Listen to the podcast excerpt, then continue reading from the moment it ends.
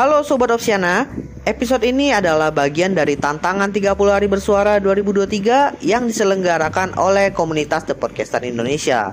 So, selamat mendengarkan.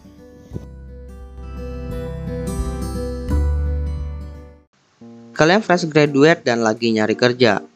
Gue di sini punya beberapa tips yang bisa dibilang cukup simple tapi cukup ngebantu banget buat teman-teman yang khususnya fresh graduate yang lagi nyari kerja untuk memperbesar kemungkinan kalian itu dapat kerja.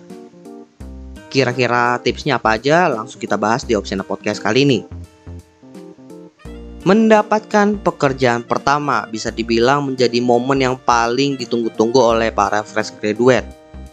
Karena apa? Karena ya mereka itu melalui proses yang panjang dari mereka zaman kuliah selama yang normal 4 tahun bahkan ada yang lebih juga setelah itu dilanjutkan dengan proses pencarian kerja lamar sana sini kemudian melalui tes kalau ada tesnya lalu dilanjutkan dengan interview interview dengan user interview dengan HRD intinya melalui proses yang panjang sampai benar-benar diterima di perusahaan atau pekerjaan pertama mereka.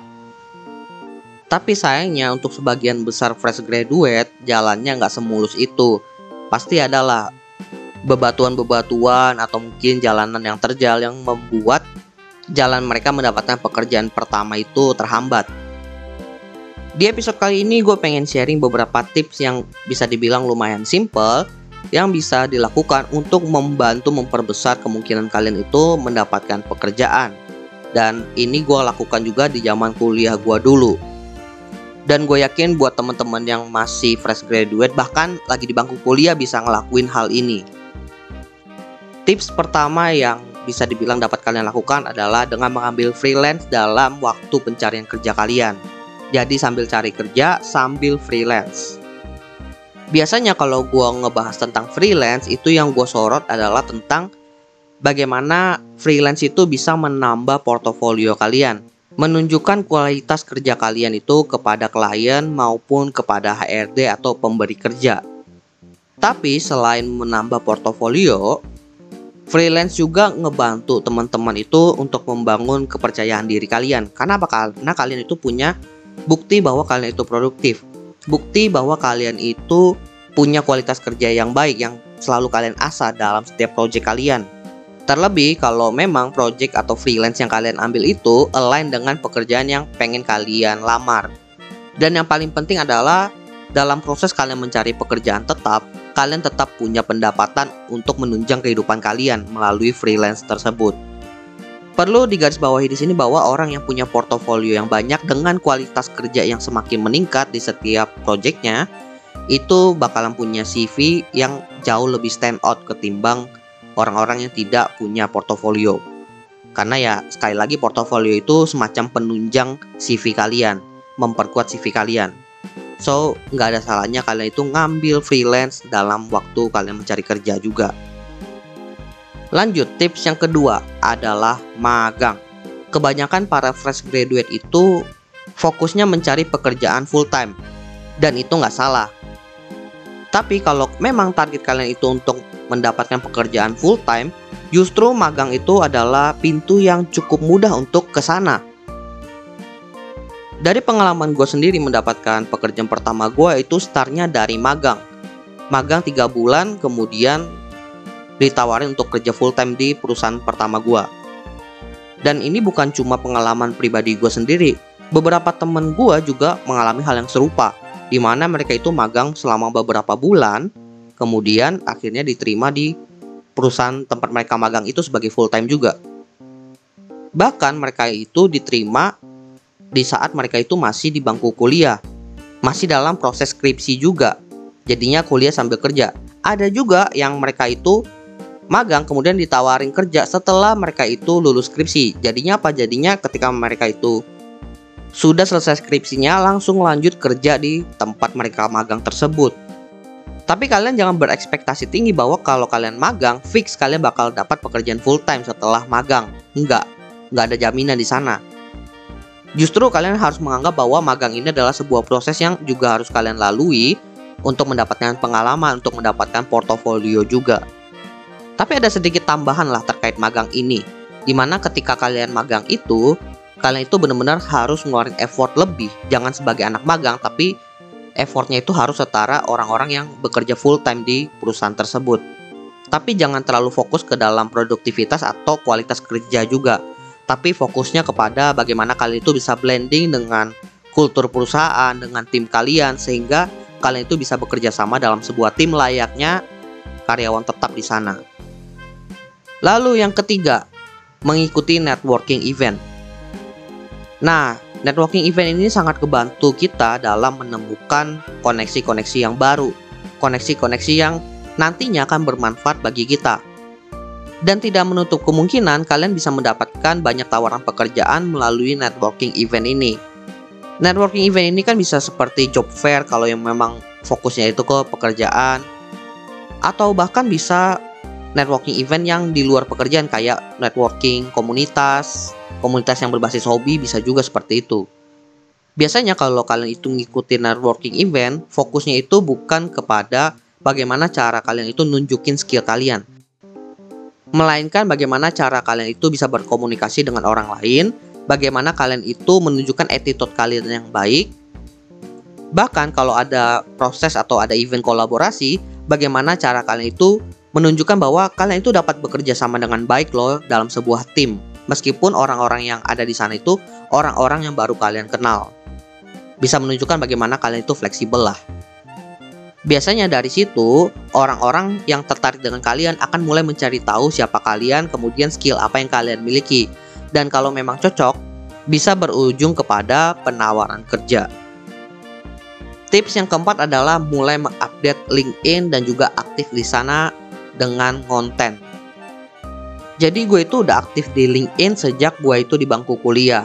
Di mana gue itu mulai sebagai seorang entrepreneur dan gue update di sana juga terkait pengalaman kerja gue. Di sana gue itu belum sampai di tahap proses konten ya. Tapi gue itu masih di tahap bagaimana gue ngebangun CV gue di LinkedIn dengan kata-kata yang mumpuni dan deskriptif. Ini tips yang gue ambil juga dari orang-orang yang udah lumayan lama di LinkedIn dan banyak tawaran kerja yang didapatkan mereka. Di mana kalau kalian itu bisa menjelaskan secara deskriptif pekerjaan yang kalian lakukan, itu bisa menunjukkan yang pertama bahwa kalian itu pintar dalam melakukan komunikasi. Bagaimana cara kalian itu menyampaikan sesuatu kepada audiens dengan mudah melalui kata-kata kalian. Dan yang kedua, menunjukkan bahwa kalian tuh paham dengan apa yang kalian kerjakan. Karena perlu diketahui bahwa di LinkedIn itu kalau kalian pengen dapat tawaran kerja, biasanya orang-orang HRD itu langsung spesifik nyari orang dengan skill tertentu, skill A, skill B. Benar-benar spesifik.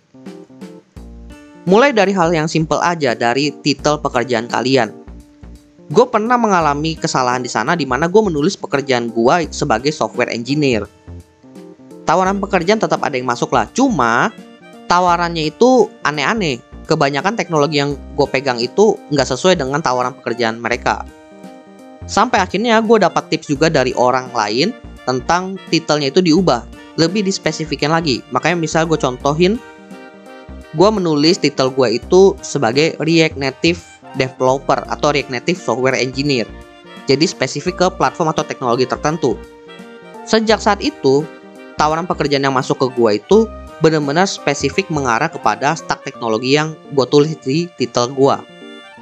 Bahkan tawaran yang masuk itu jauh lebih sering dan spesifik juga.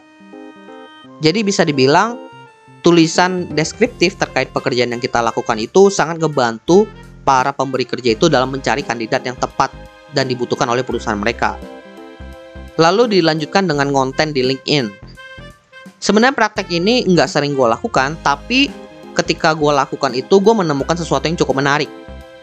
Di mana interaksi konten atau engagement konten di LinkedIn itu masih organik banget. Dan dalam kurun waktu seminggu gue pernah nyoba konten, sebenarnya nggak cukup rutin ya, cuma sekitar jeda dua hari aja gue ngonten-ngonten di LinkedIn gitu analytical engagement konten gue itu naik lumayan tinggi. Dan karena gue itu pakai LinkedIn Premium saat itu, kelihatan bahwa yang ngeliatin konten gue itu bukan cuma orang-orang yang spesialis di bidang yang gue bahas, tapi ada juga dari para pemberi kerja atau HRD. Bukan cuma dari Indonesia, tapi juga dari luar.